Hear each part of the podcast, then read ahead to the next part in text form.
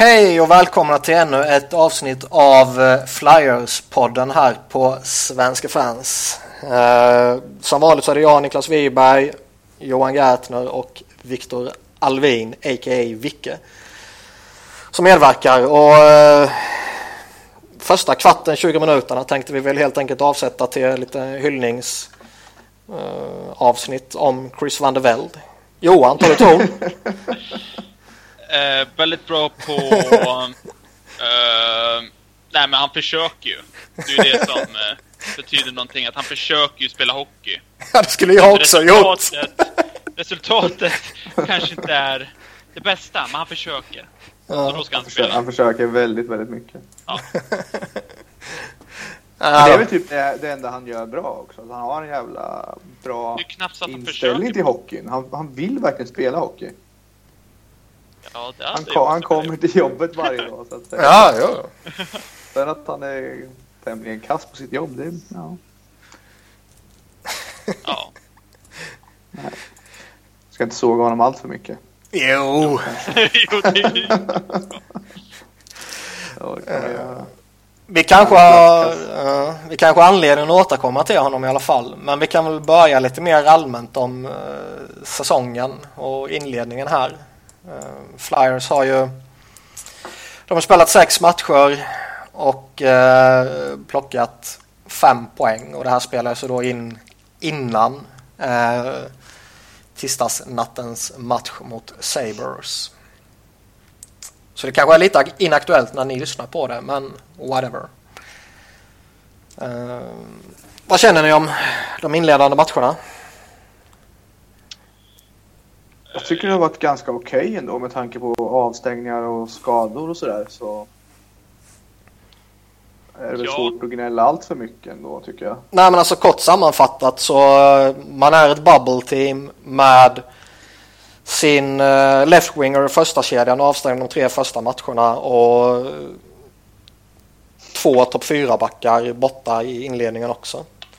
Och sen gick Raffel sönder också efter Ja. tre, fyra matcher vad det nu var. Ja. Nej, jag tycker, jag tycker det är svårt att gnälla ändå. Fem poäng på sex matcher och ja. det är ju väldigt svårt att komma... Eller för just Flyers som inte har så jättemycket djup när det är just de spelarna som är borta. Och fortfarande kunna spöa Kings borta eller Chicago borta eller Ducks Ja. överhuvudtaget. Så... Eh, ja, det var rätt bra början, men man har ju nästan vänt sig med att det börjar med liksom 0-3-1 eller någonting. Mm. Som det har varit de senaste åren. Mm. Ehm, men med det sagt så är det ju samma gamla Flyers med att de suger första 20, helt okej eh, mittenperiod, eller en jävligt bra mittenperiod och så kan det hända vad som helst hända i tredje. Ehm, lite så har det väl varit hittills. Det har man ju sett några gånger ja. Ja, Det har väl varit så alla matcher höll jag på att säga. men Ja. mål kan vi göra. Och släppa in mål kan vi också göra. Och det är något som kommer bli bättre när Gudas och Del Soto är tillbaka istället för... Ja. Ja, nu är ju Schultz scratchad i natt. Läste vi precis. Och det var väl ingen av oss som tyckte det var en jättebra idé. Att behålla både McDonald och Strite i truppen.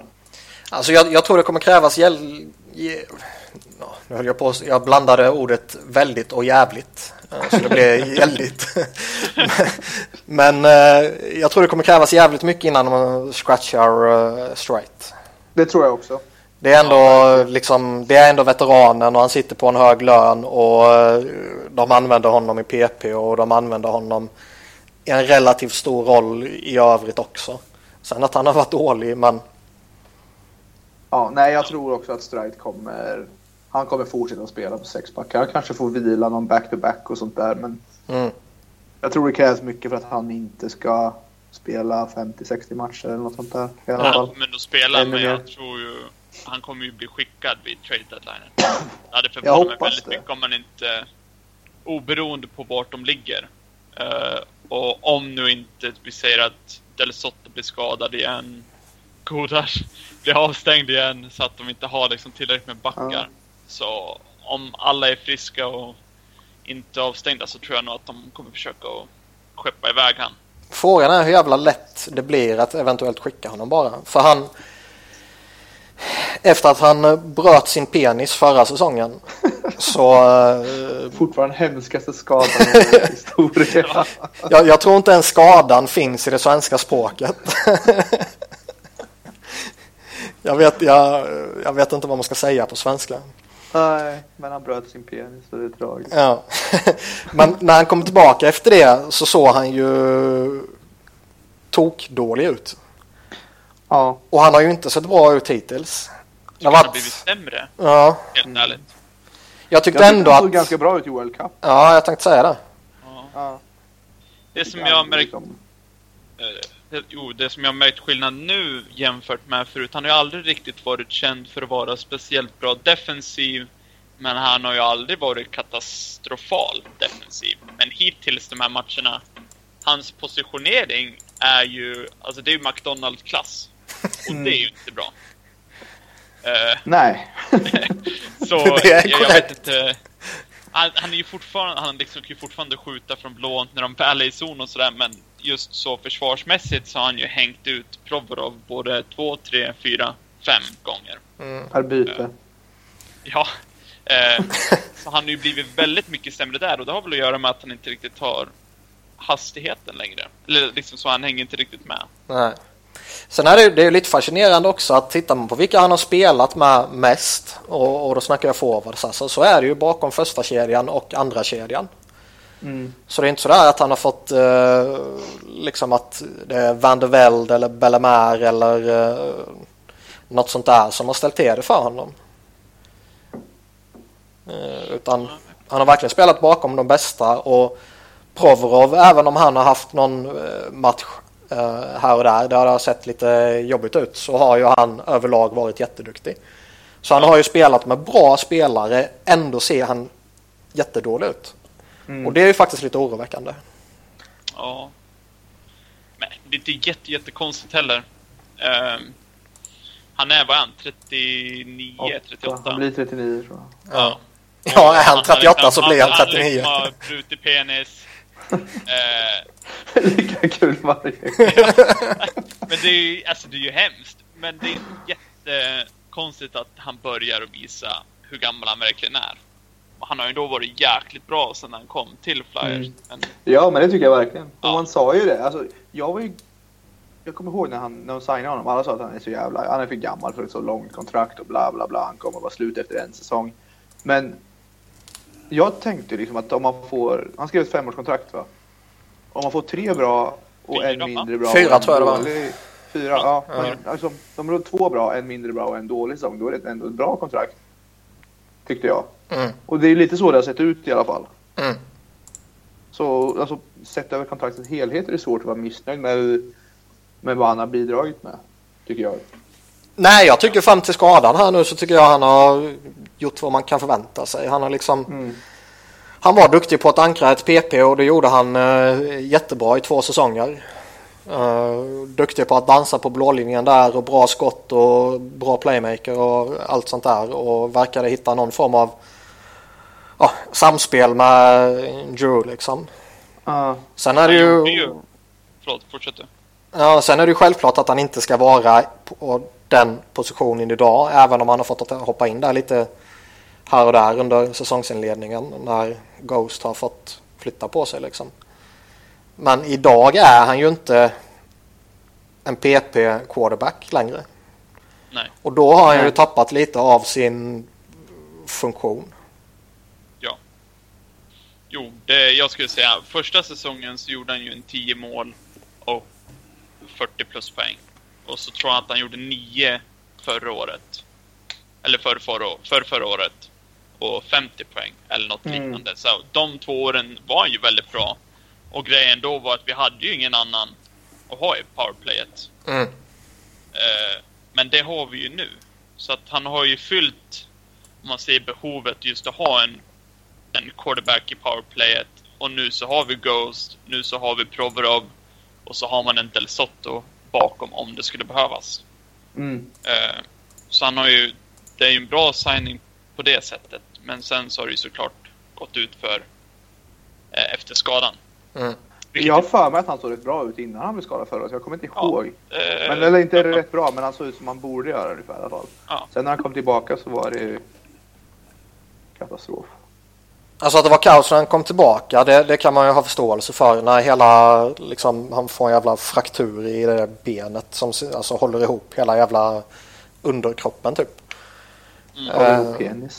Ja, så när han får en fraktur där och rimligtvis så kommer väl det påverka väldigt mycket rörelseförmåga och skridskoåkning och styrka när man trycker ifrån och hela det här köret.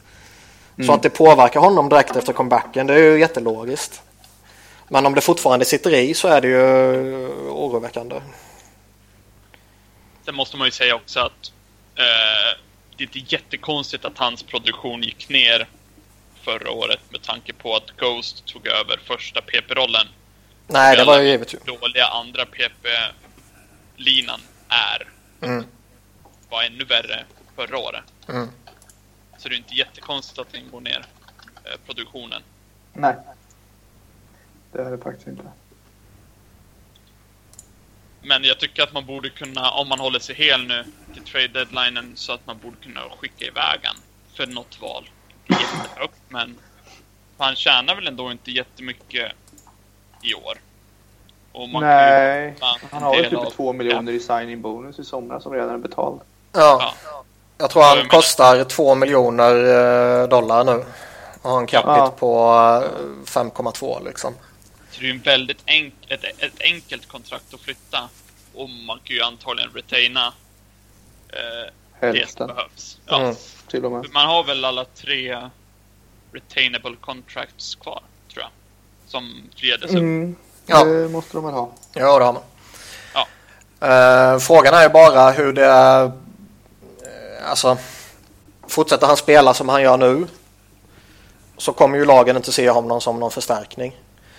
Utan då måste det ju vara att eh, någon, eh, något lag får en eh, långtidsskada kort innan trade deadline liksom. Ja, men jag tänker ju typ Chicago eller Kings eller någon som vet hur lätt det är att få skador på backar och har taskigt med cash, taskigt med cap space, taskigt med allt. Mm. Sådana lag som, som ändå vill gå långt i slutspelet. De kan ju mycket väl tänka sig, för om man retainar 50% på honom och tar tillbaka ett lite, alltså Ja, Ett ta ett kontrakt. som också går Ja. Så då kan man säkert få någonting. Även om han inte spelar speciellt bra så kommer han, kommer coacherna, typ Quenville och de där, hellre vilja ha honom än en 20-åring från AHL liksom, som aldrig har spelat slutspelshockey. Det är ju sant. Ju- Man får ju inte glömma att Hextall flippade Timonen som inte hade spelat hela säsongen. Som är, vad, vad var han när han blev tradad? Hade han fyllt 40? Nej, 30? Nej, 39, 38 va? Ja, Eller? ungefär samma ålder som Straight är nu. Och då har ändå han spelat inte bra, speciellt försvarsmässigt, men man ser ändå att när han väl står på blå att han fortfarande liksom... Han har ju lite spel i kroppen fortfarande. Ja. Ehm, Så nog tror jag man skulle kunna flytta honom om man håller sig frisk. Mm, jag är inte lika hoppfull Man- som man ni får så. Man får inte, det jag vet inte vad man kan få tillbaka, men... Nej men Ja, andra valet, tredje valet och sånt där. Ja. Jag tror inte det är omöjligt. Sen Eller så måste det bara... finnas behovet också. Vilket Ja. Chicago hade då när de tog Timonen. Mm. Och lag som Chicago och Kings som har... De kommer ju ha behovet i år också om de nu ska gå till slutspel. San Jose kanske, jag vet inte vad de har bakom sina fem, sex bästa backar. Mm. Men sådana lag som vill gå långt vill ha veteran backar och stärka upp med för de får en skada. Mm. Det har man ju sett tusen gånger. Och så det är det som gör att jag kanske inte ens tror att Flyers kommer skicka iväg honom om Flyers ligger på slutspelsplats. Då kanske Flyers vill behålla honom och ha som, ja men i den rollen, spela, alltså inte varje match kanske men sju av tio matcher ungefär. Nej, alltså det är ju inget desperat behov av att dumpa honom. Nej, det var ju mer Nej. bara för att det är ett utgående kontrakt och man vet att man inte kommer att signa honom. Mm. Då tänkte jag att varför inte försöka få någonting för det. Mm. Jo, det här är ju helt rätt ju. Eh, Men i vilket fall som helst så gör det mig absolut ingenting om man spelar ut sitt kontrakt. Eh, Nej. Hur ser vi på eh, hans eh, partner den senaste säsongen om man säger så i Nick Schultz då? De blir petad nu.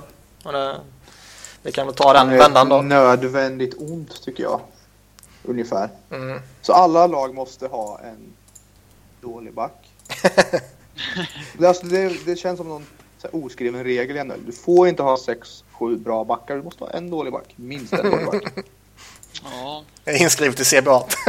Ja, men det, det känns fan så. Nej, men de här gamla dåliga backarna måste också få tjäna pengar några år till. Får behålla dem. Okej, säger alla jag. Då är Schultz ändå i mina ögon varit den tredje sämsta backen.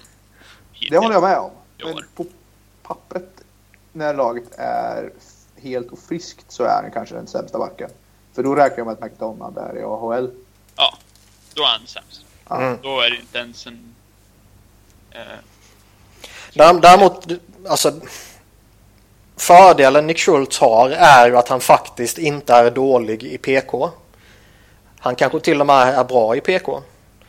Alltså titta på, på slutspelserien mot Caps här senast så var ju han faktiskt eh, du kommer aldrig kunna döda Alexander Ovechkin helt och hållet. Men han Nej. eh, gjorde det faktiskt jävligt bra genom att ja, stå i vägen. ja.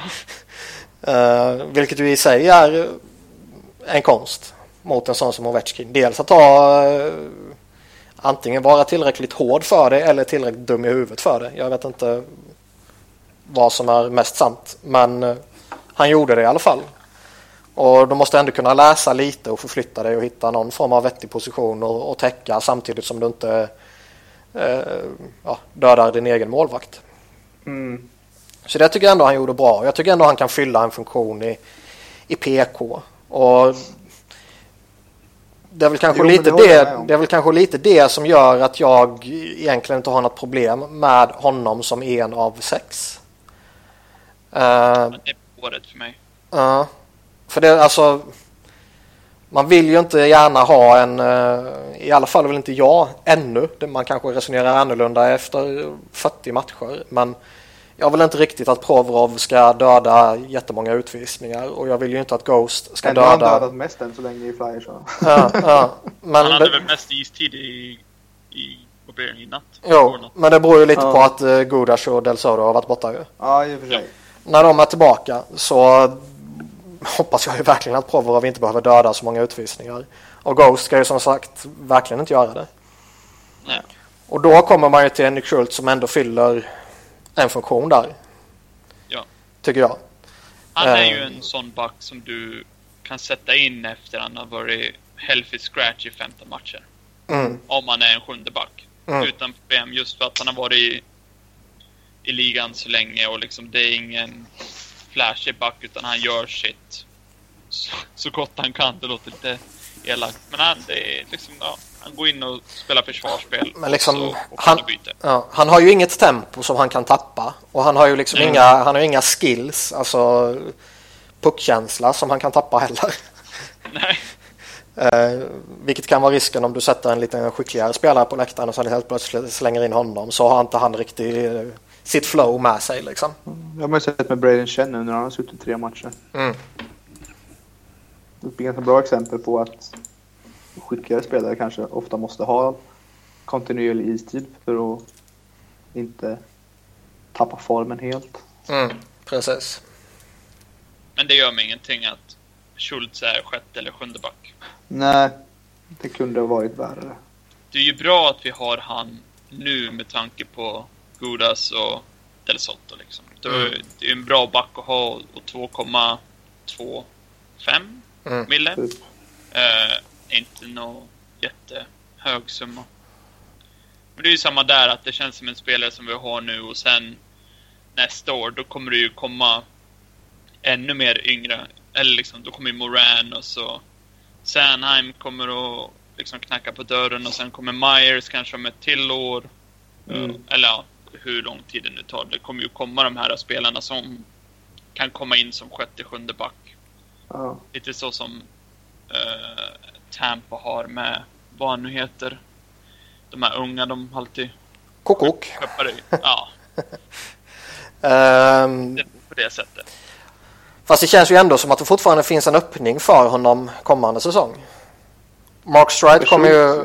Ja. Mark Stride Ja, kommer det är helt att ju... göra eh, hur redo Hextall tycker att om man säger backarna i organisationen är. Ja. För liksom tittar man bara på det så Stride kommer ju försvinna och lek med tanken att en av McDonald eller Manning plockas upp eh, i expansionsdraften. Så finns det ju kanske ett matematiskt behov. ja. Och Del Sotto kanske inte blir kvar heller. Nej, exakt. Fortsätter han ha lite skadeproblem och sådana här saker så eh, blir man ju faktiskt lite skraj på att signa upp honom på ett lite längre och dyrare kontrakt. Mm. Det är inte jag fast det är en helt annan diskussion. Men, eh, Jo, men jag menar fa- faller dominobrickorna så står vi helt plötsligt där med ett behov av Nej, att... men det jag skulle säga att jag vill inte signa upp Del Sotto. Just på grund av att han verkar bli skadad rätt Mm. ofta. Mm. Men alltså, samtidigt finns det ju backar som kan ta Nick Schultz jobb som kanske är lite bättre än vad Schultz är. Man kan ju hitta en sån också. Men Ja, då absolut. försvinner det där coacherna och alltså alla känner honom. Coacherna vet vad de får. De vet precis hur han funkar som människa och allting också. Det, det är sådana grejer som spelar in med. Det kanske finns en back som är lite bättre som på pappret i alla fall. Som Mm. kanske inte funkar lika bra i omklädningsrummet eller ja, alla sådana grejer. Det I min påverkar ju också en del. I min värld så är Nick Schultz en spelare som att efter säsongen så, så är han en, en spelare du kan resigna ett år på Mm. en mille. Mm. Typ. Det liksom känns som ett, ett logiskt kontrakt. Schultz vill vara kvar i ligan, börja komma till åren och så får han ett ettårskontrakt. Ja, där han har varit i ett par säsonger nu. Det Ja. känns rätt logiskt.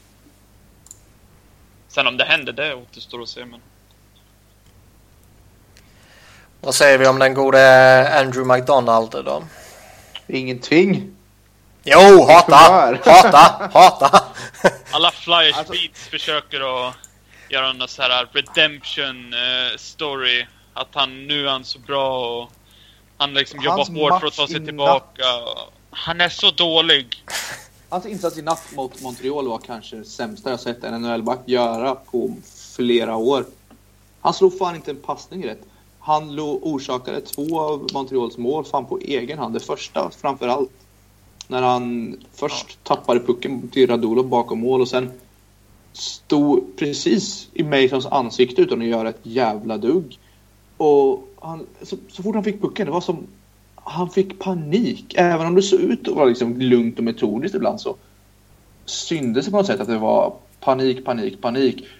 Och så slår han pass- passningen i skridskorna när han slår icingen, han lyfter ut den i mittzon. Äh, fy fan vilken katastrofal jävla match han gjorde. Jag förstår helt ärligt inte hur en spelare som är i NHL idag kan vara så förbannat dålig på sin position. Det är en sak om McDonald hade varit liksom som Schultz att ja, han är inte så bra offensiv men ändå. Han fyller en funktion i PK och försvarsmässigt så att han offrar sig eller ja, just så är i alla fall fortfarande någorlunda bra i försvarszon. Men han är ju helt värdelös. Ja. Han, han, det är ju som att han inte vet hur du ska spela försvarsspel. Det- Ständigt återkommande det där, den frasen när jag pratar McDonald tycker jag. Det känns som vi har sagt det varenda avsnitt vi har spelat in. Alltså, men det är inte bara att han har kass gap control och alldeles för icke-aggressiv blå linjer och mittzon. Han vet ju inte vart fan han ska vara någonstans. Nej. Alltså titt, följ honom med blicken i några byten. Bara, Alltså ett tips till folk som kanske inte ser varenda Flyers-match som vi gör. Följ McDonald med blicken några byten när pucken är, oavsett var pucken är egentligen. Och se hur sällan han står på rätt plats eller befinner sig i rätt alltså, båge eller åkriktning eller vad som helst. Han är alltid fel. Ja, det, det är fascinerande att man verkligen inte kan, eh, det är ju som Johan var inne på, man, alltså, man kan inte hitta en enda punkt som man faktiskt kan liksom försvara honom på. Vilken är det då? Nej, jag sa man kan inte det. Jaha, man kan, jag tyckte man kan hitta en. Nej, nej. Nej, nej. nej. Alltså för några, för några säsonger sedan var det att han blockade skott bra, så det tycker jag inte han gör nu heller. För nu är han... Jag vet inte, han är en halv sekund för fel in i allting så han täcker inga skott. Fast när han kom och den eh, första delen i Flyers var han ju inte dålig. Utan det är ju, Nej. det, det Alltså, är ju jag faktiskt han kanske var efter... jävligt dålig men jämfört med resten av alla soporna i Flyers försvaret som jag hade då, kan, då kanske han såg kompetent ut. Jo, det är kanske Alla sant. ser bra ut bredvid Grossman. Ja men det är ju lite så. Nej, det är faktiskt sant. Nej, alltså det- just... Sen är det ju hans kontrakt också. Hade han haft ett, ett, ett bättre kontrakt eh, än de här fem miljonerna i tre år till eller vad det nu är. Så hade man ju kunnat levt med det lite mer. Men nu så vet, ser man hur dålig han är och så vet man att Flyers har inte så jättemycket cap. Och så bara ligger han där och förstör helt enkelt. Mm. Och det är ju såklart Flyers fel eftersom det var de som signade han, men det... Nej. Han är helt värdelös. Vad säger ni om det här beslutet att låta han spela och Schultz eh, sitta då? Ja. Alltså jag vet inte, jag tycker väl egentligen så spelar det väl ingen jävla roll vem av de två som spelar faktiskt. De är ungefär lika dåliga båda två. Mm. ja. Då spelar jag hellre... Alltså, i- Ja, då spelar Ja, jag hellre ja, Donald. Så att de får de här 40 matcherna som man behöver ja, kunna bli... Inte för att de kommer ta en antagligen, men alltså så att han kan vara i den här expansions... Ja, alltså jag tror väl inte att Vegas är så dumma huvudet även om George McPhee är lite halvgalen. Så att de tar Andrew McDonald eh, på det kontraktet och, och liksom ä- även om de behöver ta på måste, sig... de måste ju upp över löne... Inte bara lönegolvet, de var ju tvungna att komma upp högre än så va? Ja, jag måste minns inte exakt. Men, två dåliga kontrakt. Jag kommer inte ihåg vad men, det, var. men det känns väl som att det kommer exponeras spelare som fortfarande kan fylla någon form av funktion. Och som sitter på ett, ett dyrt kontrakt. Mm. Ja, och så kortare Ja, annat. Även om de kanske har en som är på 4,5 mille som har ett år Mm. till. Kommer det säkert finnas massor av. nej men precis. Och då tar de ju hellre ett sånt såklart. Mm. Men eh, Men man ska, ju, man ska ju se till så att man får möjligheten att kunna exponera honom. ja, Mm. Och det får man ju Ja, bara exakt. genom att han spelar, eh, vad kommer fram till, 40. 40 matcher. Men alltså sen är det ju så, man kanske kan muta Las Vegas med något. Alltså ett andra val eller någonting. Det hade inte jag brytt mig om för att de tar McDonald. Mm. Man kan ju göra en sån lösning också. Ja, men ni får två andra val eller vad fan som helst. Ni får Robert Hägg och ett andra val om ni tar McDonald i expansionsdraften. Mm. Fine. Mm. Nej, absolut. Jag skulle inte ha något man emot har det. ju sett andra dåliga kontrakt bli tradade. Mm. Eh, typ Fanuff. Nu är inte Fanuff riktigt så kass kanske, men det är ju ändå ett jävligt dåligt kontrakt han sitter på. Ja. Och de fick ändå retaina två miljoner, eller vad var det? Tror inte de retainade någonting. Mm, Jag minns inte. Jo. Jag tror, jag är Det- ganska säker på att Ottawa tog hela kontraktet. Är du så? Nej, va? Jag ska kolla. Är rätt Nej, de retainar bara Kessel. Det är sant. Ja, det är Kessel, ja. Just det. Ja. Så var det. My bad. Och han har, vad har Fanuff? 7 mille, Sju. typ fem år till. Fyra år till. Mm, ett år längre än McDonald. Så det går. Ja, det, alltså, det går ju alltid att trada dåliga kontrakt. Men Flyers är väl dock i ett läge där man inte vill ta tillbaka en David Clarkson. Liksom. Nej, Utan man vill ju gärna dumpa kontraktet helt och hållet. Och det är ju det som är problematiskt. Det är det. Men låt, låt, låt han liksom... Ja. Fast de tar ju inte... De, han måste ju sluta i så fall för att de ska ta honom. ja i och för sig. Men... Datsuk Eh, ska spela. vad sa du? Datsuk ska spela. Eller? Men jag, alltså, jag, jag tycker det, man vet ju aldrig vad som händer. Alltså, låt honom spela fram till han har klarat den här gränsen och sen sätter du honom på läktaren eller så skickar du ner honom eller så gör vad fan som helst med honom liksom. Mm. Ja, nej, men jag håller med. Alltså, finns det en, finns en enda liten teoretisk möjlighet att bli av med honom i expansionsdraften så låt honom spela istället för Schultz. Det spelar ingen större roll. Mm. Det är liksom två ungefär lika dåliga backar. Så. Nej, exakt. Uh, Provorov och Ghost då? Vad säger man om deras inledning? Ja. Ghost har väl kickat igång ganska bra tycker jag senaste tre matcherna eller sådär. Han var lite lite, lite tveksam inledning på honom. Första två, tre. Tycker jag. Han hade inte riktigt det där klippet i fötterna och eh, offensiv glädjen i sig. Mm. Men jag tycker sista två, tre matcherna var det gamla vanliga Ghost som man är van att se. Ja. Transportera puck i tid och otid och bryter i mittzon och pangar slagskott i powerplay och sådär. Kanske inte lika mycket men... Nej. Ja, Men det ja, man kan säga är att det ser, ju, det ser ju inte ut som att han har en sophomore slump som man var eh, lite rädd han skulle ha. Sen, är, sen är det ju lite som... Han är ju bara sex matcher så det kan ju fortfarande hända. Ja, ja. Sex matcher är ingenting ju mot något håll. Rent spelmässigt så ser det bra ut. Dä- Däremot är jag ju inte, alltså... När både Del Soto och Gudas, en Gudas, kom, kommer tillbaka så eh, många vill ju att man spelar dem tillsammans. Och de var ju Gudas jävligt, ja, de var ju jävligt bra tillsammans förra året.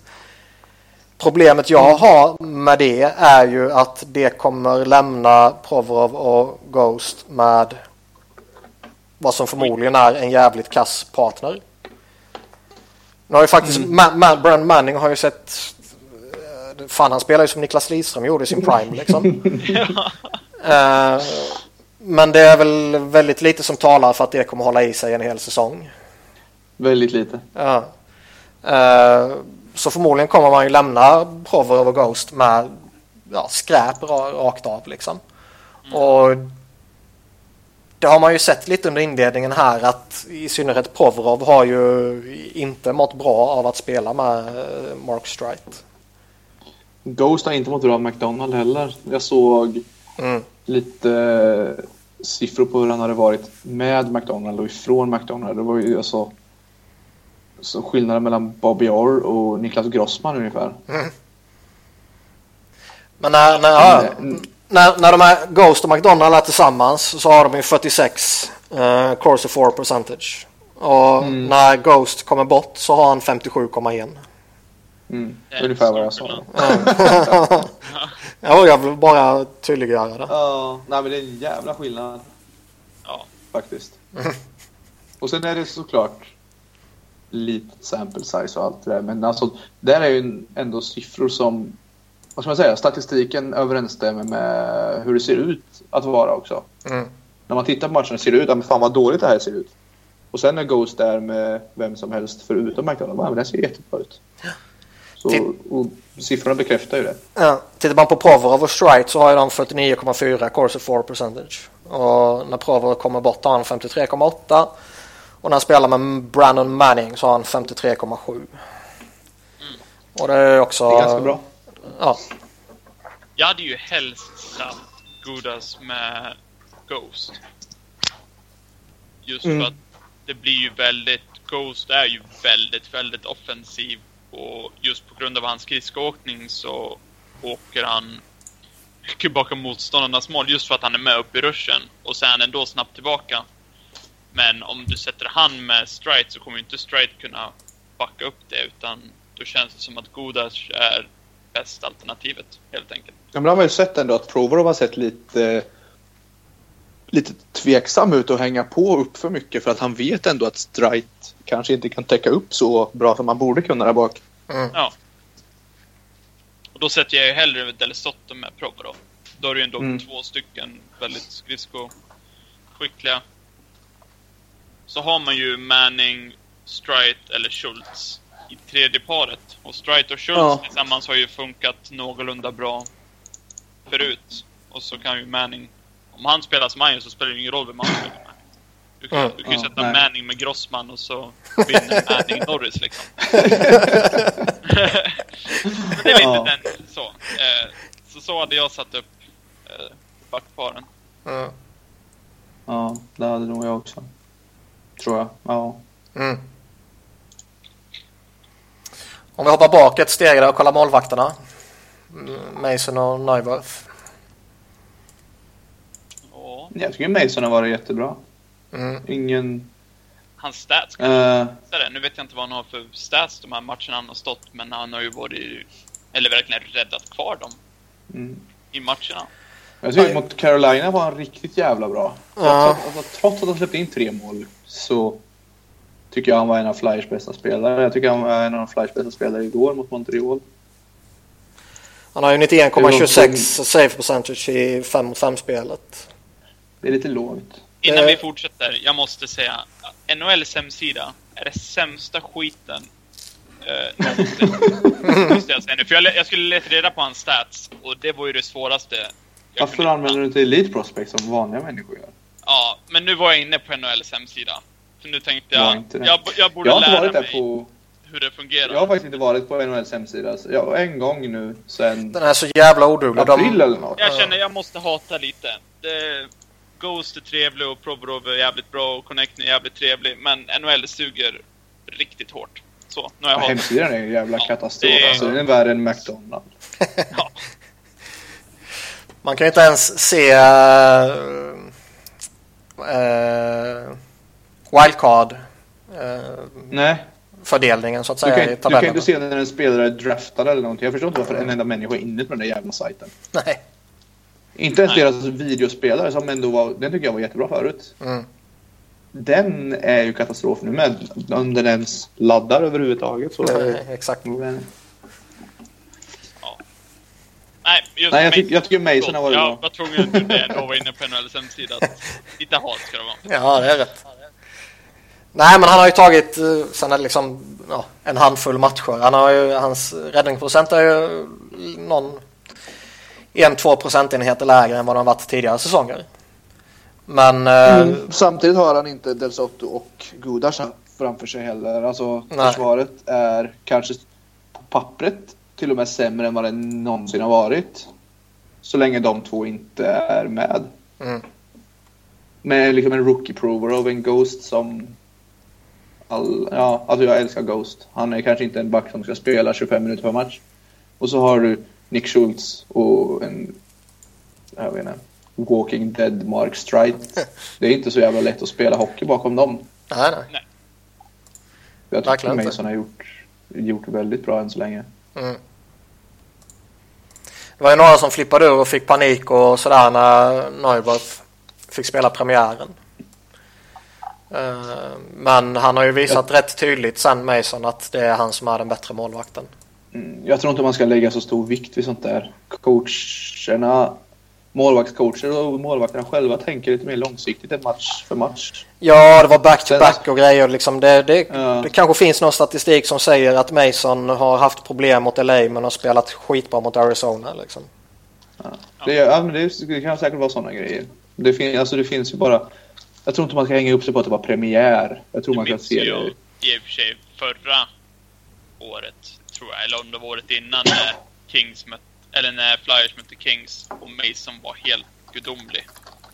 Mm. Eh, det var, om ni minns, när Vinny la sjukaste passen till Simmons. Eh, det var just i LA också. Jag vet inte om det var förra året. Det kanske det var. Det enda, det, var en- Mason det var ju bland det sjukaste jag sett Mason spela, tror jag. det, Men helt ärligt, det enda jag minns av Le Cavalier förra säsongen det är när han drog klubban i huvudet på Chen.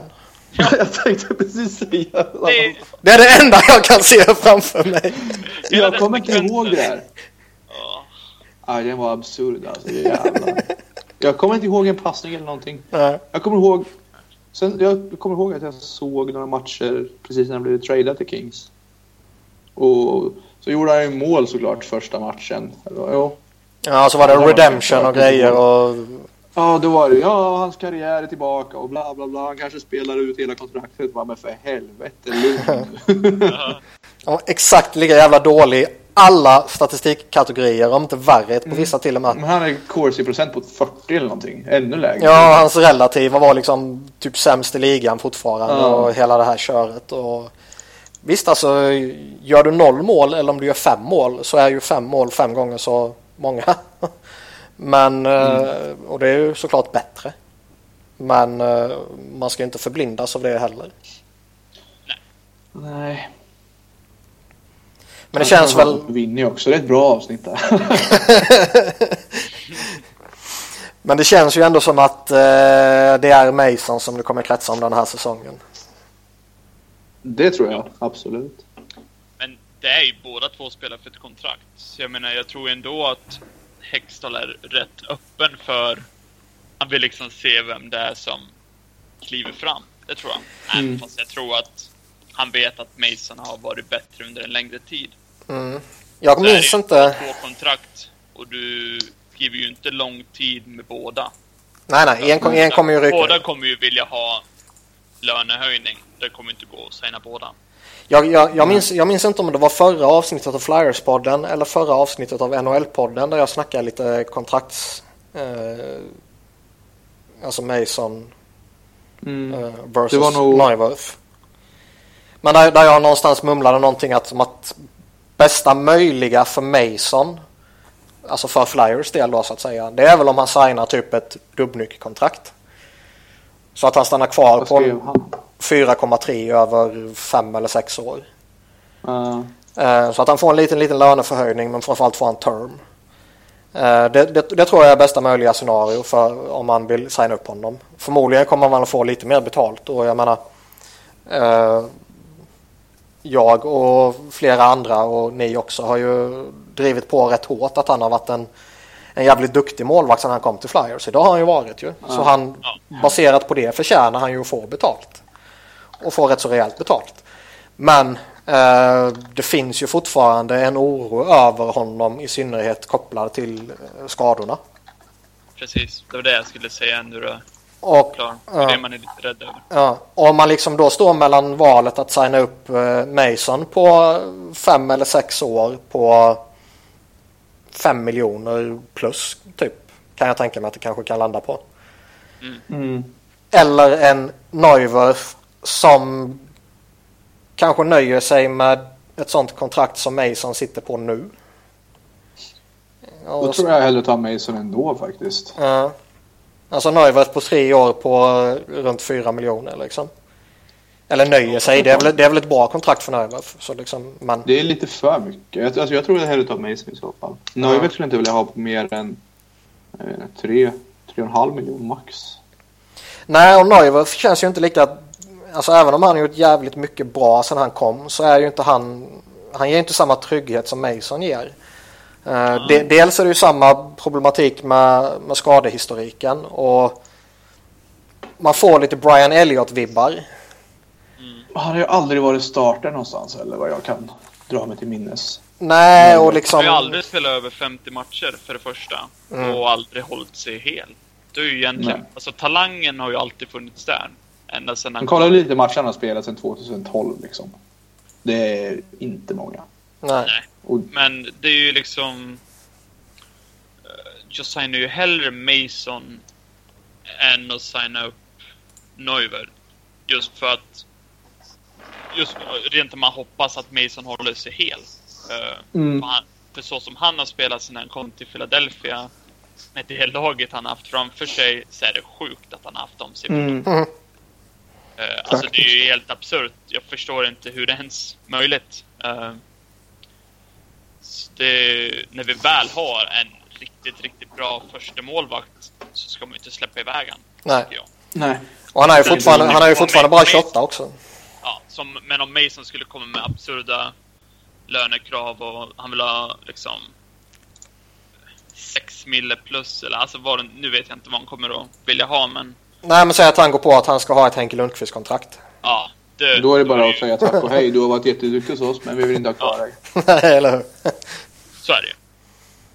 Men det är ju ingen tvekan för mig att Mason är nummer ett. Mm. Även fast Neuvert var ju jäkligt bra förra året.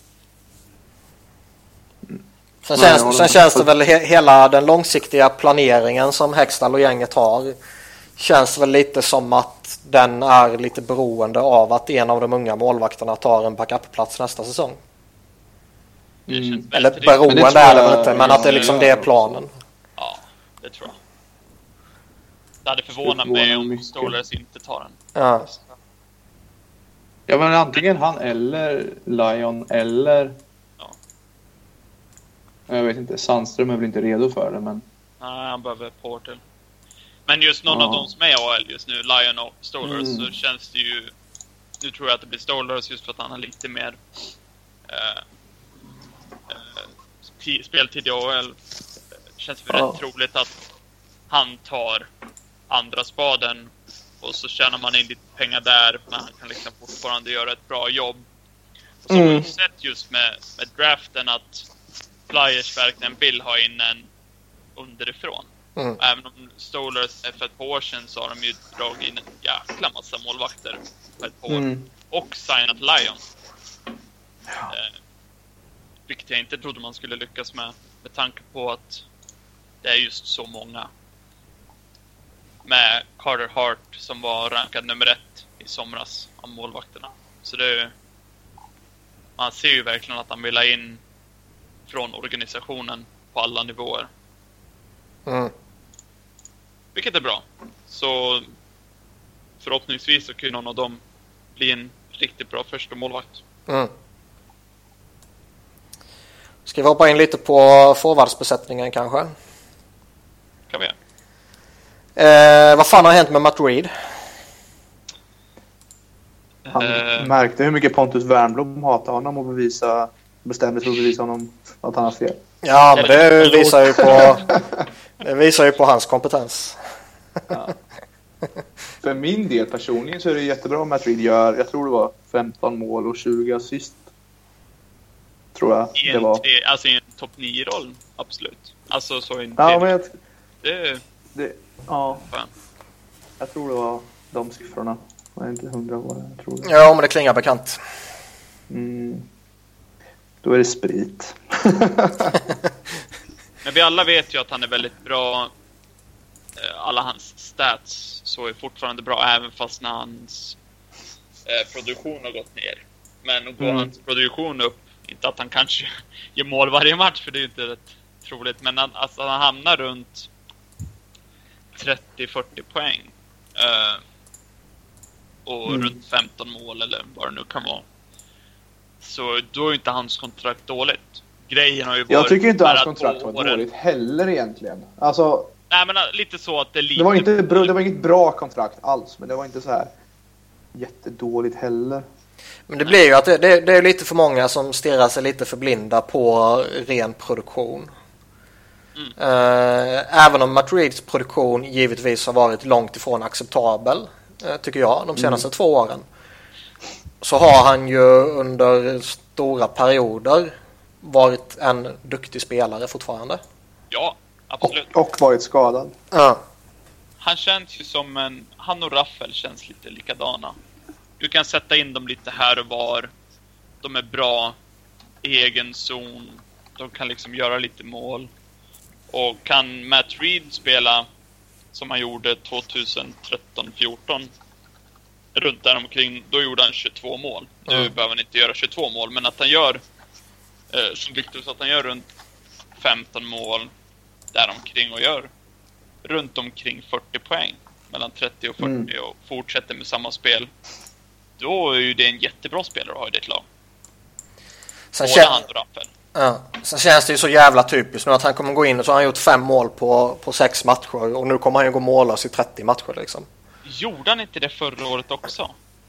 Jo, jag för mig det var jättelänge. Och det, känns, det, känns, det känns ju så typiskt efter den här inledningen liksom. Men jag tror ju, alltså jag tycker han ser ut, Han ser han fräschare ser ut. rätt bra ut. Ja. Men han, han ser mycket bättre ut nu. Han, är, men då, han sa ju det själv, att han har varit lite försiktig i sitt spel. Inte driver på mål lika hårt, inte vatter, gör ont lika mycket. Senaste två säsongerna. Ja, exakt. Jag tänkte säga det. Att det, det är ju sånt, sådana småsaker som talar för att hans... Alltså det är klart att han inte kommer göra 40 mål, men jag tror inte att hans produktion tvärdör heller som den kanske har gjort de senaste två åren. Mm. För han är lite mer den Matt Reed som kom in i ligan. Han driver lite hårdare på mål. Han är lite mer o... Man är lite mer oförsiktig hela tiden. Mm. Jag tror han kan hamna runt 20. Mm. Lite under kanske. Eh, just så om man kollar hur han har sett ut. Inte bara att han har gjort fem mål på sex matcher. Men Mm. skridskoåkningen ser bättre ut. Eh, de här två säsongerna när han inte har varit speciellt bra, då har det ju varit... Eh, han får pucken, åker in i zonen och så stannar han upp och så händer absolut Ja. ingenting. Eller tar röd och åker och byter. Ja, och nu så händer ju saker nästan hela tiden han inne. Så det är ju Mm. verkligen en, en annorlunda spelare. Men det är ju... Hextall... Ja, jag tycker han forecheckar mycket, mycket bättre också än vad han har Ja. gjort. Alltså han hinner ner i hörnen och ner bakom mål och sätta press på ett annat sätt än vad han har gjort. Mm. Senaste 160 matcherna. Mm. Hextall sa ju att han hade jobbat väldigt hårt hela sommaren och kom in eh, i campet redo och ville verkligen liksom, ja, ta sig tillbaka till den Matt Reed han var. Mm. Eh, Det har man ju hört förr om så många spelare, från så många spelare. Så man Ja. tar ju det med en nypa salt. Jag hörde det också. Ja. Men man är ju ändå så här lite... Jag har ju alltid, alltid försvarat honom. Han har ju alltid varit en lite personlig favorit för mig. Men ändå just det där att ja, man har hört det så många gånger. Ja, man har haft en så bra sommar, har tränat jättehårt. Men alla tränar jättehårt. Alla utom... Utom...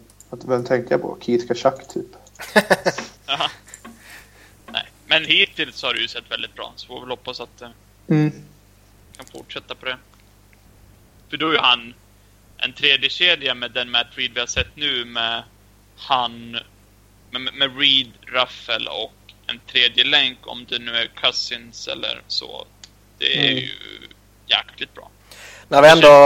Du kan lita på. När vi ändå är inne Ja. på tredje kedjan och eventuell formation där så har ju eh, Pebbles, den gode Bellemare, har ju agerat tredje center hittills och har väl i mitt tycke inte sett jättebra ut i den rollen. Inte sett jättebra ut. Nej. Ja. Men det var ju lite som vi sa. Beror på hur man eh, väljer att uttrycka sig. Men vi sa väl inför säsongen att han hade ju spelat i den rollen i, i World Cup och eh, liksom jag, jag litar väl mer på hans prestationer under en hel säsong i Flyers än vad jag gör på en Mm. handfull matcher i World Cup. Men, och det har ju visat sig nu också känns det som. Men okej, han gjorde det jävligt bra i World Cup. Testa honom med den rollen några matcher, se vad fan som händer. Och vi hade liksom eh, Lafton blev skadad, Chen var avstängd i början. Mm. Ja, det gör mig ingenting att man testar det då. Men nu måste ju det experimentet upphöra känns det som. Även om vi fortfarande har Raffel skadad och Lafton skadad liksom. Jag tror väl det också. Jag hoppas att de sätter in Nick Cousins där istället. Han är lite mer center i, i grunden tycker jag än vad Pebbles är. Ja, Bellemare tycker jag inte är en center överhuvudtaget. Jag tycker Nej, inte ens han är en fjärde han, center. var, han var ju det under Berube va, när han kom till Flyers. Ja. Det hade jag lyckats förtränga nästan. Men, ja, det var han. Men han har inte varit det någonsin innan. Han var inte det i Skellefteå. Han var inte det i Leksand så vitt jag vet i alla fall. Nej, inte vad jag kan minnas heller. Möjligen i franska landslaget eftersom Ja, jo, kanske men vill ha som det, bästa spelare som center där. Jag vet inte. men det säger ju inget ju. Nej, exakt. Så alltså jag, jag förstår liksom inte tanken med att sätta honom som center. Inte, Okej, när han kom in i NHL, fine, testa honom som center i en fjärde line om han kan funka där.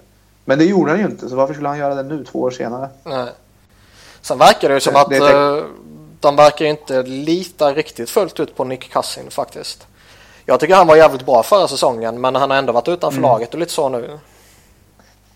Allt det kommer ju tillbaka till Chris Van de Velde.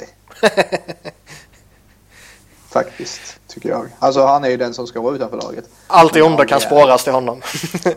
Ja, ja. lite så är det. ja, jag håller med. jag, jag hörde att det var Van de Velde som rekommenderade Holmgren att signa Andrew McDonald på så långt kontrakt för övrigt.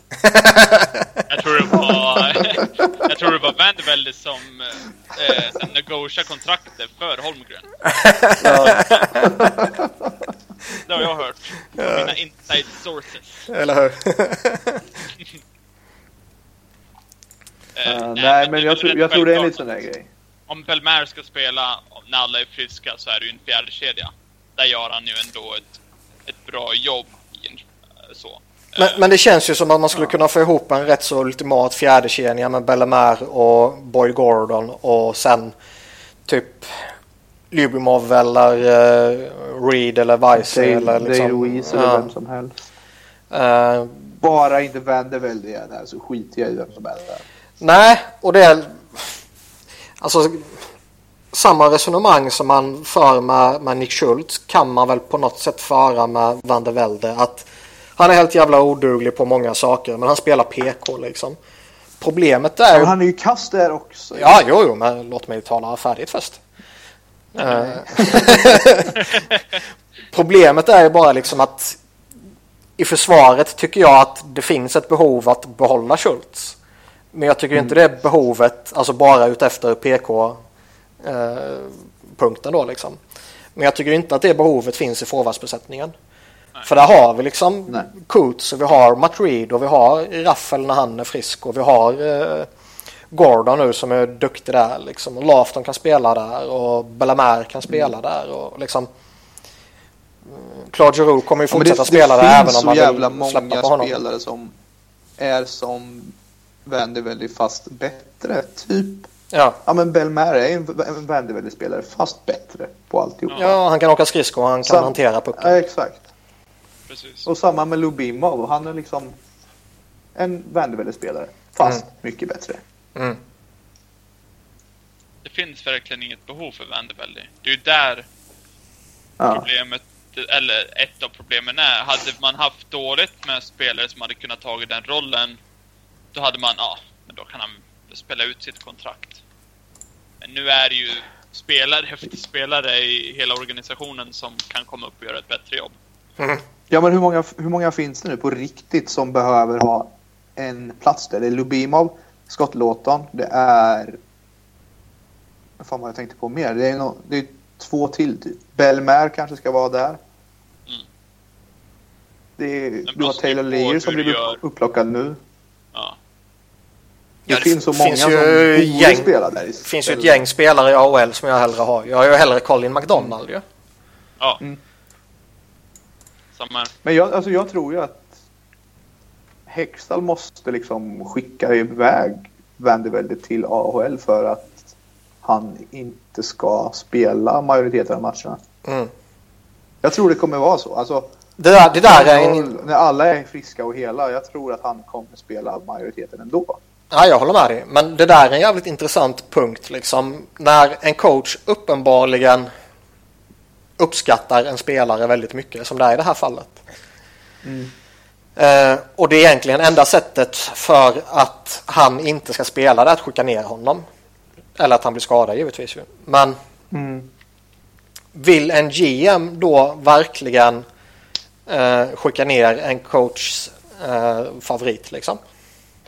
Jag tror ju det om det handlar om att det är en ung spelare som ska ta sig någonstans. Typ Nick Cousins, typ Scott Lawton. En som behöver spela frekvent och som kanske inte kan göra det i AHL på samma sätt för de har ingenting att få ut där längre. Mm. Då tror jag att Hextall kan göra det. Hade det varit en fråga mellan, ta striden mellan Belmar eller Vandervelde, då tror jag, ja men skitsamma. Han får ta det. Det, liksom, det skiljer så pass lite ändå. Mm. Men när det ändå handlar om unga spelare och utveckling och istid och ja, mer långsiktigt, då tror jag ändå att man kan förvänta sig att Hextall faktiskt gör så. Jag tycker det känns rätt självklart att Lawton ska gå in och ta Vanderveldes plats eh, på en gång. Han är Mm. yngre, det finns mer uppsida, väldigt skridskostark. Jag kan tänka mig att Lafton skickas ner när han blir frisk och får starta om i AHL. Ja, Det skulle inte förvåna mig heller. tror jag. För han behöver, inte- han behöver inte passera waivers och sådär. Så skicka ner honom där och låt honom spela två matcher, tre matcher och sen när han fått upp lite fart så plocka upp honom igen. Det skulle jag ha gjort ju. Uh, givetvis beroende på hur skadesituationen och allt sånt där ser ut när han är tillbaka. Han kanske behöver slängas in direkt. tre avstängningar innan också. Exakt. Eh, Men det känns väl ändå som en rätt lämplig väg att gå tycker jag. Ja. Alltså det skulle inte förvåna mig. Jag har inget emot det heller. Men det är också en sån spelare att om man kom, när han kommer tillbaka inom en vecka eller vad det är sagt. Eh, han kan ju ta Vanderveldes position i fjärde kedjan Utan tvekan. Och det Ja, ger ju mm. laget mer fart också. Så han, bara in med, han kommer köra sina 8 till 10 minuter. Det är inte jätte så bra för en ung spelare att spela så lite. Men just, han hade ju kunnat gjort den rollen mycket bättre. Mm. Exakt. Vad tycker vi om en sån som Dale Weiser då? Ska han vara jävligt anonym tills han blev avstängd. Han har inte gjort mycket. Nej. Mm. Jag tycker var, varken bra eller dålig skulle jag säga. Nej, jag har inte lagt märke till honom. Så kan man väl kanske säga. Mm. Men det är också sån där spelare, ska han verkligen vara i en tredje kedja? Det, det, är inte jag eh, tyckte. Han har ju gjort en, en hel del poäng så och lite, sprutat in lite mål här och där i Montreal. Men när jag ser på honom spelarmässigt så, jag vet inte. Det, Men alltså, sen kan, ju, kan han ju bli bättre såklart. Han har Ja. ju varit väldigt anonym och det är bara sex matcher eller fem matcher han har spelat. Så jag menar, det är svårt att säga nu, men men, men tittar man på de här matcherna som har spelats så är det väl är det verkligen en större skillnad mot att spela i tredje kedjan eller i fjärde kedjan. nej, egentligen inte. Men det är ju där ett problem jag tycker är att fjärde kedjan kan vara så mycket bättre. Och den hade varit så mycket... Nu har vi ju Belmer som är center där, som inte ska vara en tredje kedjecenter. Och så har man Cousins som har gjort det bra, men är fortfarande inte riktigt erfaren. Alltså, jag hade ju, nu har vi inte cap space, men de får in en tredje center som ändå har liksom erfarenhet eh, kan göra en del poäng. Det Mm. hade ju Flyers verkligen behövt. Eh, för det är en väldigt stor lucka mellan topp 6 och sen bakom. Mm. Rent. Eh, så är det väl alltid att de första två kedjorna är bättre, men det är ju en väldigt stor... Eh, speciellt på centerpositionen så har du ju liksom Giroud, Couturier som är jävligt bra. Och så har du ingen tredje center som egentligen är en tredje center som har liksom ja, bevisat att han är en tredje center. Eh, Mm. Hittills då. Nej, och Bellman har bara bevisat att han inte är det. Så Det finns ju ett jättebehov att få in en tredje center. Mm. Eh, Jag tror att Nick Cousins kan vara rätt för den rollen. Eller Scott jag. Lawton. Alltså, jag trodde att Lawton var den killen, men han har ju inte tagit, tagit den. Han har ju Nej, fått du- chansen ja. utan att ta den, men det är just det kanske fortfarande. varken Cousins eller Lawton har ju tagit chansen och det är ju väldigt kort chans de har fått dem. Men alltså så hittills. Eh, så det, det finns ju verkligen ett behov. Sen hade ju jag spelat Cousins som tredje center och bara Ja. gett han den chansen tills det finns ett bättre alternativ. Mm. Eh, Ja, eller han gör bort sig om man nu fullkomligt. inte tar, ja, eller om man inte tar chansen överhuvudtaget. Men nu fick han ju chansen förra säsongen och, och liksom tog den. Sen var det ju under väldigt få matcher. Men varför inte fortsätta? Jag förstår inte varför. Jag har svårt att se att han ska göra sämre jobb än Bellman eh, också. experimentet. Mm. Jag förstår inte. Varför inte bara fortsätta? Nej. Då hade du kunnat kört eh, Reed Cousins Ruffel Mm. som en tredje kedja. Och det är, det är lite mixat. Ja, jag skulle vara jättebekväm med att skicka ut den som tredje kedja. Ja, Ja, som är, jag förstår inte. Eh, det känns som att de inte använder det bästa laget de kan. Mm. Även fast med avstängningar och sådär. Jag, jag förstår faktiskt inte riktigt. Vi gör så att vi hoppar upp ett snäpp i hierarkin då och tittar på andra kedjan med Connectney, Coots och Voracek. Jag skulle vilja säga att det har varit den överlägset bästa kedjan hittills. Utan NHLs bästa kedja. Ja, Har det fan varit. Alltså inte långt ifrån i alla fall. Det är, en- alltså, det är en liten överdrift såklart, men det är inte långt ifrån. nej, förtjänar att nämnas där utan tvekan tycker jag också. Ja. Det är ett bra tag sedan jag såg en, en Flyers-kedja som var så dominant som de har varit. På bara Ja. sex matcher. Men ändå på den eh, hittills. Det har varit... De har ju dominerat. Mm. Ja, men byte efter byte efter byte så är de i anfallszon och snurrar och skapar tryck och skapar chanser. Ja. Och bra tempo. Bra jobb åt båda hållen över banan. Nej, de ser riktigt bra ut. Bra produktion liksom av inte- allihopa också. Ja, det finns inte så mycket att säga där egentligen förutom att de gör det jävligt bra. De har klickat alla tre tillsammans på ett Ja. underbart sätt. Det är gött att se att Voracek ser riktigt jävla fräsch ut. Han Ja, Han har varit grym. bästa spelaren utan det är ju inte ens något snack hittills av allihopa. Mm. Coots vet Han- man ju alltid vad man får liksom. Nu har han ju till och med klivit fram och, och pytsat lite och det är ju bara jättebra. Ja. Men han har väl vare sig varit bättre eller sämre än vad han brukar vara. Det känns som att det har varit den gamla vanliga Coots liksom. Voracek har ju tagit ett jättekliv från förra säsongen som var på många sätt katastrofal ju. Även fast han inte gjorde poäng förra säsongen så såg han ju liksom, han såg ju okej ut. Det var ju inte Mm. att han var helt värdelös. Han fick ju, han fick ju inte in pucken och gjorde inte så mycket poäng överhuvudtaget. Men spelmässigt så var han ju fortfarande relativt dominant som man alltid är när man ser han spela. Men i Fram år, till sista, sista avgörande lägena bara när det Ja. handlar om att fatta rätt beslut, skjuta, men i år har han ju passa. tagit ett Ja. helt annat steg. Mm. Eh, Så det är bra. Men det är lite det att det syntes ju när man kollade på laget att det behövs en topp 6 left-winger in. Mm. Eh, och det är ju just det Connecting har varit. Eh, Helt rätt att sätta honom där också. Absolut. Jag tycker han har varit så jävla bra där. Ja. Jag tycker fortfarande, jag blir skraj ibland när jag ser honom för jag tycker fortfarande han har en tendens till att hamna i konstiga eh, vad säger man, konstiga kroppsställningar längs med sargen när han ska Ja. få en tackling. Man ser på en gång varför han har blivit skadad i, Ja. Mm. när han har spelat. Han är lite i- för vårdslös. Ja. Alltså det är en sak att vara vårdslös som typ... Men Jag jag inte, Giroud är ju det också ibland. Eller var det framförallt att när han han har var blivit yngre. bättre. Eh, Giroud har blivit bättre på det. Ja, det har han ju definitivt. Ja. Men jag tycker Connectney bara på eh, på någon match. Sen har han ju tendenser i egentligen alla matcher hittills, men att tyckte man märker rätt snabbt att om man i ett läge så gör han inte riktigt samma sak igen, utan att han lär sig medan han, Mm. Mm. eh, medan han spelar. Eh, Ja. Och nu har han ju till och med börjat lägga ut lite tacklingar. Nu åkte han ut på en charging som... Men den var ju tragisk ju för fan. Ja. Så det hade såg man ju inte de första matcherna. Så han, man ser att han blir mer och mer bekväm. Vilket är Mm. samma med Provorov.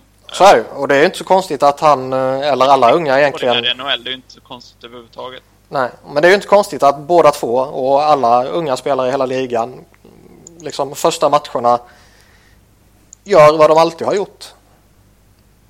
Och sen lär man sig av sina misstag. Liksom, Connectny har väl i juniorligan kunnat liksom ducka och på något sätt smyga förbi en tackling vid sargen. Liksom. För att han Mm. var lika stor som sin motståndare och kanske lite kvickare och lite skickligare. Mm. Men eh, nu minns jag inte vem det var som smällde in honom. Där det såg rätt otäckt. Han kröp ihop och försökte undvika tacklingen. Det var väl Manson, va? Mot Ducks, var det inte det? Mm. Ja, det kan nog ha varit. Ja.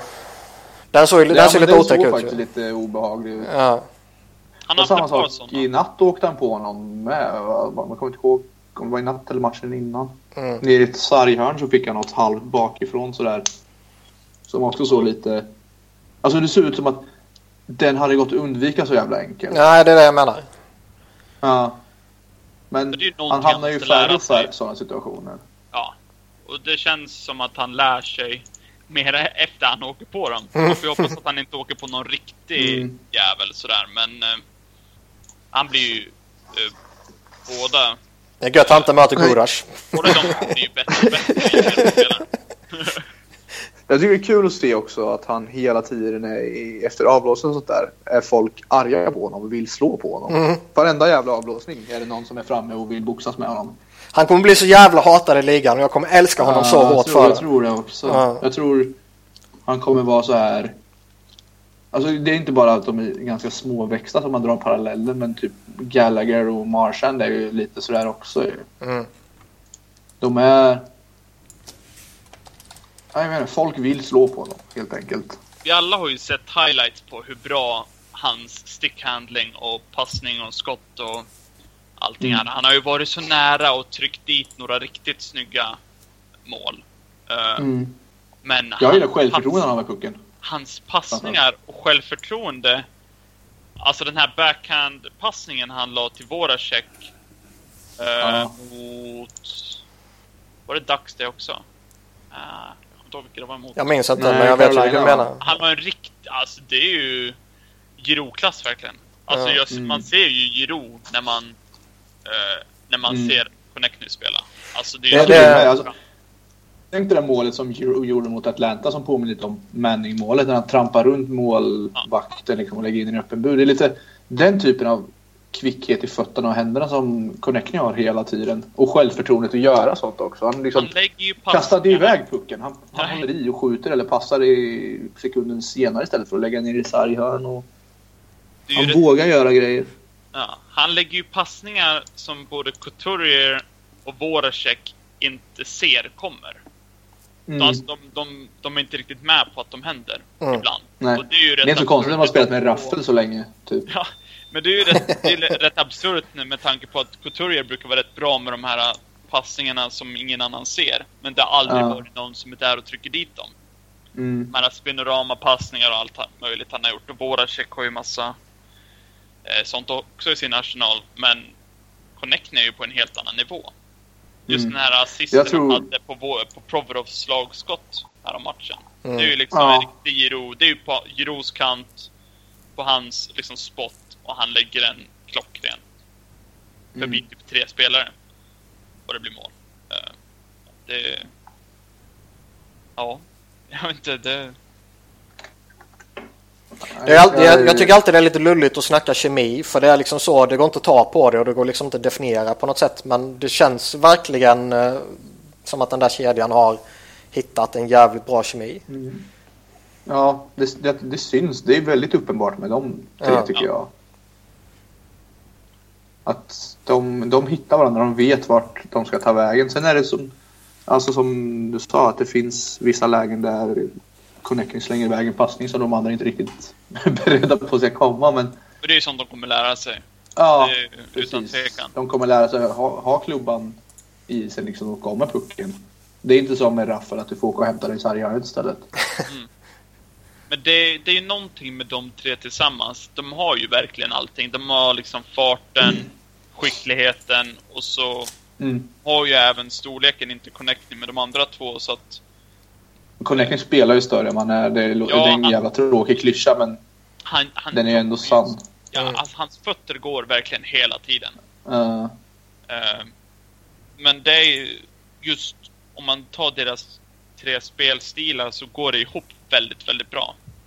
mm. Och det, Det är lite som eh, det där hockeyspelet på första Nintendo. En eh, tjock, en smal och en snabb. Alltså, det är tre väldigt olika spelartyper men de klickar jävligt bra ihop. Det här är kul att se. Första kedjan då? Förväntar mig mer. Mm. Även att Giroud ändå har gjort, vad är det, sju assist? Nej, jo. Något sånt. Sju, tror det är sju assist. Sju Och assist. Simons har ju ändå gjort fyra, fem mål så förväntar jag mig framförallt fem av fem. Mm. Men å andra sidan, de började med Raffel. Raffel blev skadad. De fick in Chen som har varit avstängd och inte kommit in alls i hockeyn överhuvudtaget, tycker jag det ser ut som. Mm. Alltså produktionsmässigt så absolut jättebra. 5 mot 5 spelmässigt och ögontestmässigt så tycker jag det saknas lite fortfarande. Det är klart Jag, det kan inte, bli jag, jag kan inte sätta fingret på vad riktigt heller. Nej, jag tycker inte de genererar tillräckligt offensivt Nej. i 5 mot 5. Nej, det är väl lite så. Eh, det är väl klart man kan kräva mer just för att det är en första kedja och det är de tre tillsammans. Men jag tror ju att det kommer bli mycket bättre nu när Chen kommer in lite i det hela. Han har gjort tre matcher och den här veckan har de fem. Fyra? Ja. Nej. Ja. De har Så ett sinnessjukt spelschema. Ja, så jag, ef- efter den här veckan så klickar det inte då att de kommer igång så, ja, då vet jag inte. Det är klart att det borde komma igång. Mm. Det Ja, men det måste det göra. Alltså ändå... Man ser ju tendenserna till att det ska se rätt ut på något sätt. Mm. Tendenserna finns där, men det har liksom inte riktigt resulterat i, i någon större produktion 5 mot 5 än heller. Nej. De är på rätt väg. Och då får Mm. man ju ändå... Simmons har fyra mål och fem, eller fem poäng på sex matcher. Mm. Giro har sju på sex. Mm. Uh, nu har jag inte känt någon poäng. Men de två, de har ju, det är inte så att de har noll poäng. Eller bara en poäng. Utan de producerar. Nej, vad fan jämför med förra året liksom. Ja. Så det... Jag tycker Giro ser bra ut. Eh, Simmons ser ut som Simmons liksom. Det är samma Simmons. Eh, och så är det lite för tidigt att se med Chen då. Men... Eh, Ja, det är nej, jag- så- ser jag dålig tycker ut så jag är inte orolig.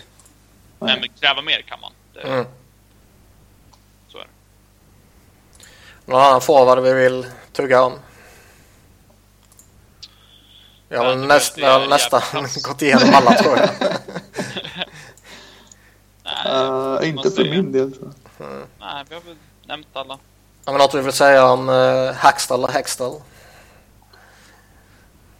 Alltså jag, jag, jag gillar ju inte Vandervelde-grejen och sådär. Men samtidigt, om det är mitt största problem med en coach så tycker jag att fine. Det är liksom helt okej. Ja, men det är den, det är den där jag stör mig på. Vara eller icke vara. Då, Ja. då är han en bra coach i mina ögon. Jag instämmer. Däremot är jag ju lite missnöjd med både PP och PK. Det, det var är jag också. Alltså det har blivit sämre och sämre Mm. senaste två åren eller vad det är.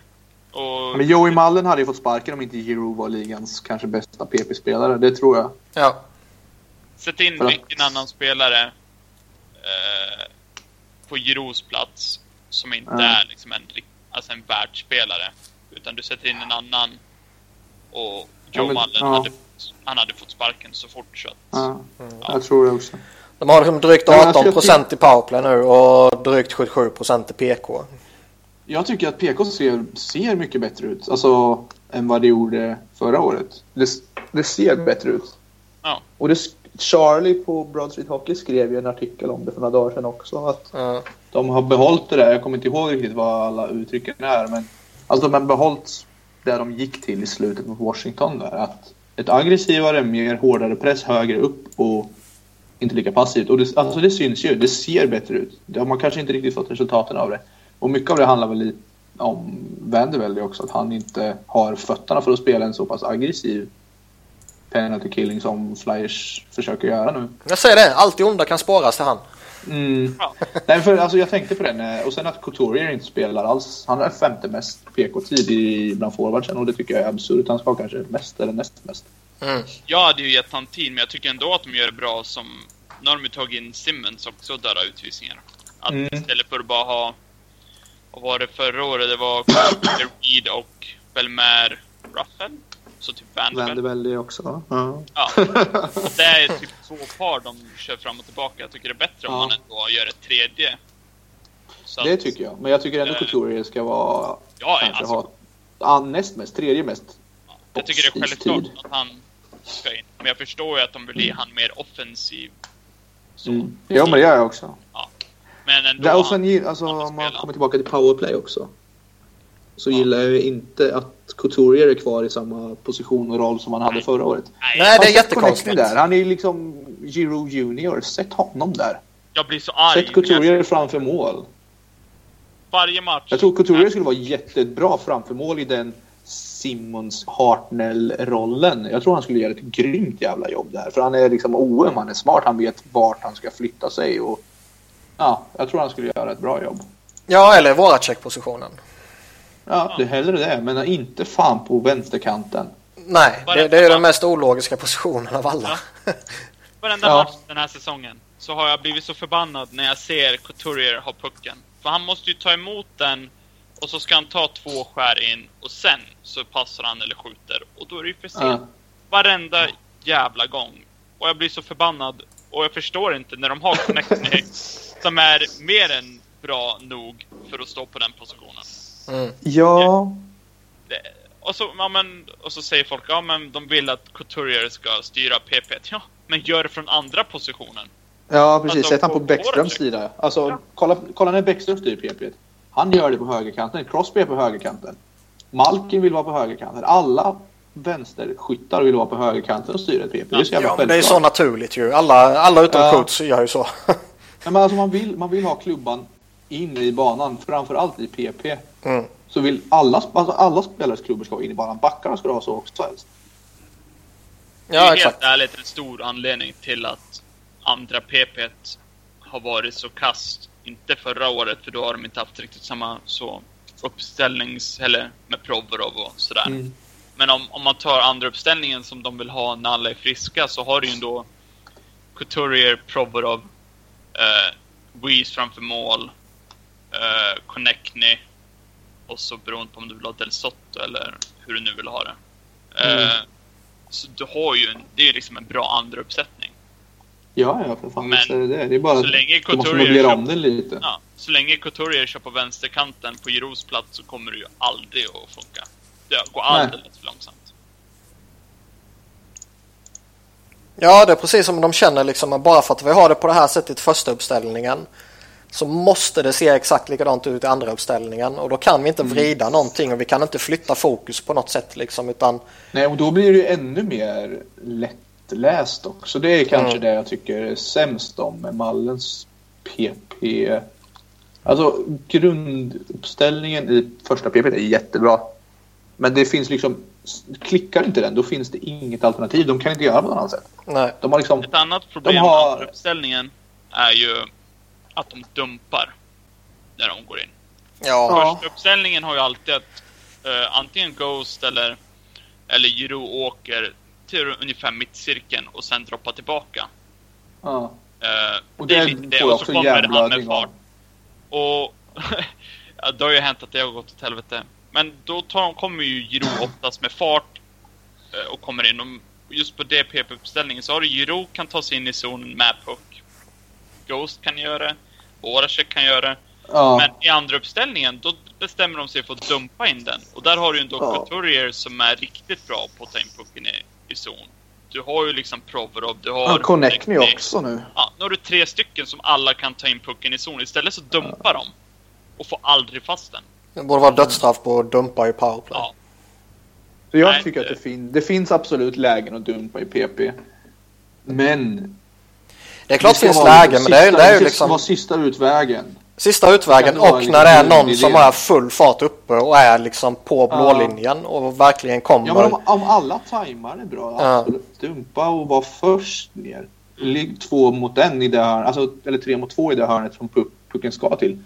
För du har ändå ett numerärt övertag i alla puckduellerna, eller ska, om det ser ut som det ska göra. Grejen, Men- första PP Men det är när det går långsamt och de dumpar, då, då får jag ont i huvudet. På riktigt. Ja. För då skallar jag betongväggarna här hemma. Ja, du är ensam kan jag säga. Första PP dumpar ju in ibland. Men då har du ju Ja. Voracek och Simmons som är så jävla starka längs med sargen. Som Mm. vinner oftast pucken. Och våra är blixtsnabb dit också. Ja. Och där har Plus du... att du har Giroud som fångar upp puckarna som går längs sargen ut. Jättebra. På ena sidan. Du har Ghost på andra sidan som är snabb som fan och fångar ner puckar som är på väg ut. På, Nice. I PP2 så har du liksom Mark Streit som äh, står och viftar lite där och försöker fånga en puck utan att lyckas. Ja. Nej, jag hade ju gett Mullen sparken i somras. In- Ja, Så, sparken. Eh, ja. För det var inte bra på någon av dem. Jag för mig vi var ganska överens om det Ja. I somras också, typ på vår första podd eller vad det nu var. Mm. När vi gick igenom allt det där.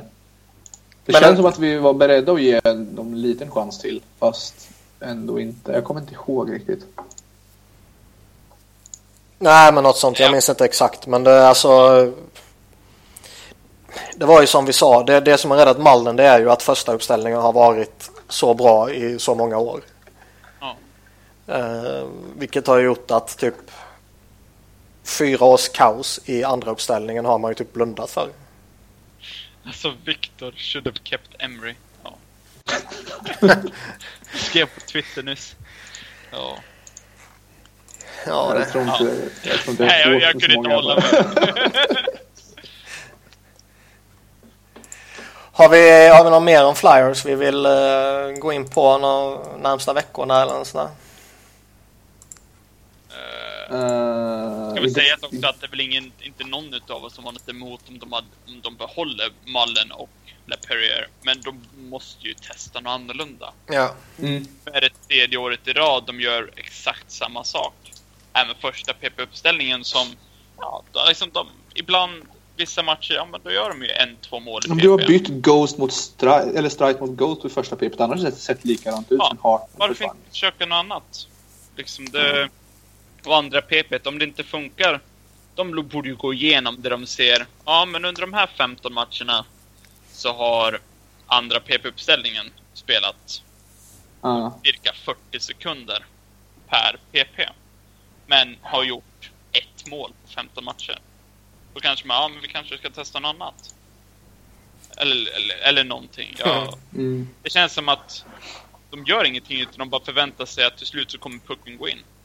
I Ja. båda Och det PP-uppställningarna. gör ju det för att Giro är så jävla bra på det han gör. Och Ghost är så bra på det han gör. Och Simmons står Det är där. liksom... Ja, precis. Du har tre av NHLs bästa i tre perfekta roller för dem också. Ghost, Giro och Simmons. Och så har du Chen som försvinner helt. Så man kan lika gärna sätta Chen i andra PB istället. Och låta honom få en större roll där och sätta...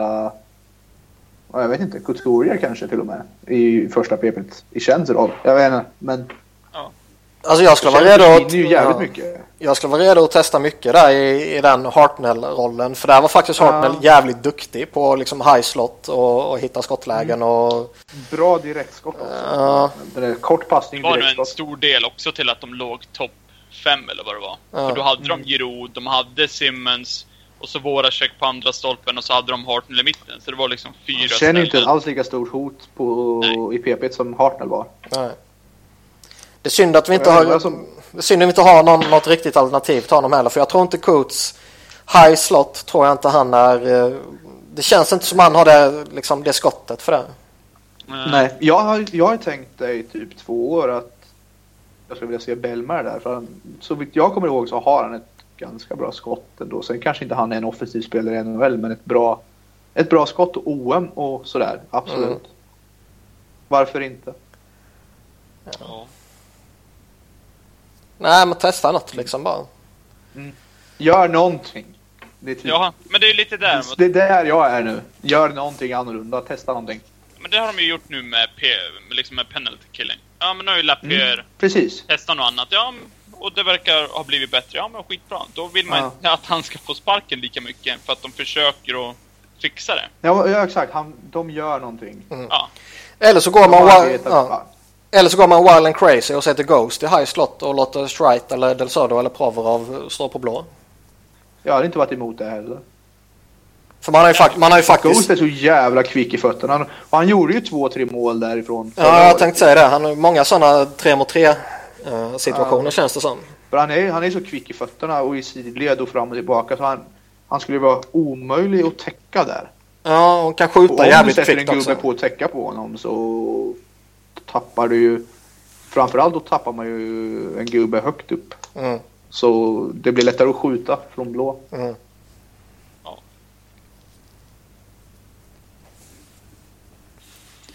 Nej, men jag är ganska nöjd med Flyers prat än så länge.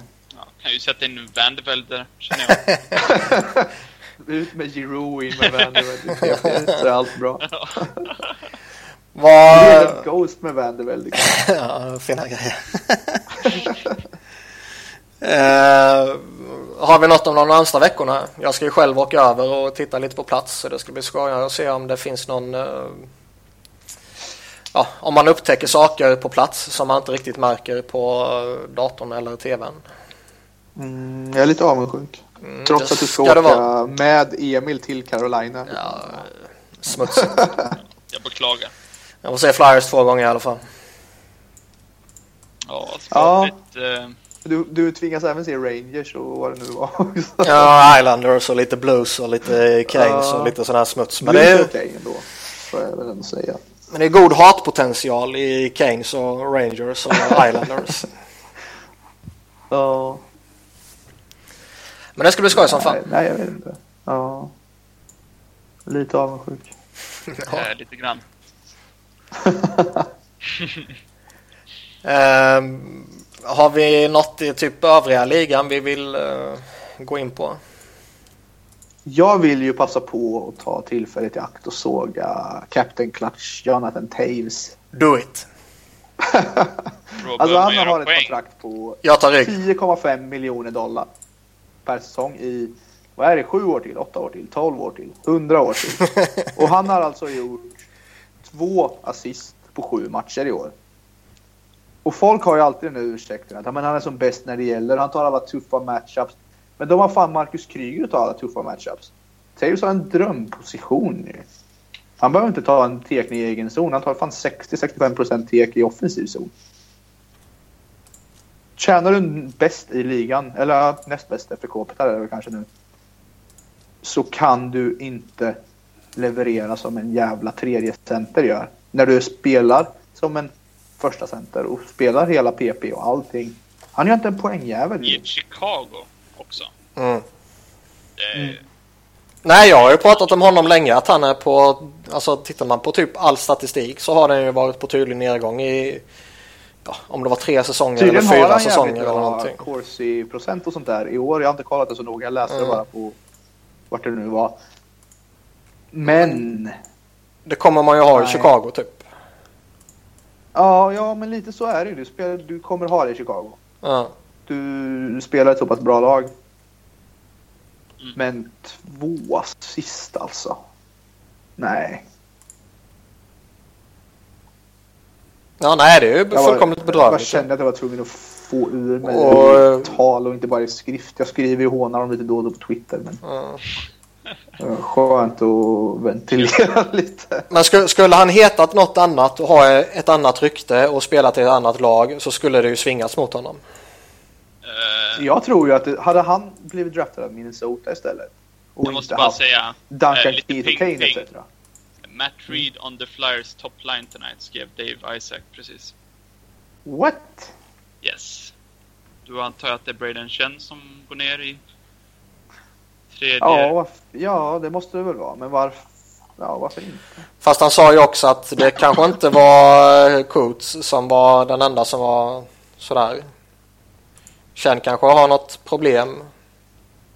Ja, uh, men han, of Penn är på matchen också. De skriver att Couturier tar line rushes som vanligt och Layers åker lite vid sidan av. Okay. Mm. Så de ja, switchar nog Chen och Reed då.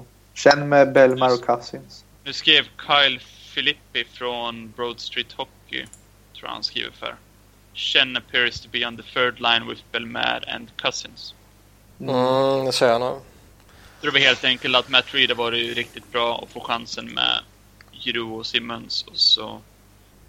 Ja, får Chen helt enkelt... Och jag, jag har inte så mycket emot det med tanke på att första kedjan inte har klickat så jävla bra heller. Mm. Så... Och jag vet inte, har tredje, tredje kedjan gjort det? Nej. Nej. Nej. Inte direkt. Det är liksom Matt Reed som har varit bra och Cousins har varit bra. Så jag tycker, jag tycker inte det är ett jättedåligt beslut faktiskt. Nej, inte alls. Oh, nu drar jag på Penguin-sändningen och det är de där jävla trollclownerna som kommenterar. Vad snackar de? De är ju hur bra som helst. Lika bra som Vanderveldy. Uh, har vi något mer vill gå igenom eller ska vi runda av där? Kan vi runda av där. Ja. Jag har väl inget mer jag vill tillägga efter... Ja, Tortorella är jävligt kass också. ja, det får man ändå lov att säga. Tortorella suger också. Ja. Men då tackar vi för oss för den här gången. 90 minuters uh, tugg om Flyers plus Jonathan Taves. Tack för att ni orkar med och lyssna på oss. Ja. ja. Och vi, eh, vi hörs när jag kommer hem från USA igen. Tack och hej!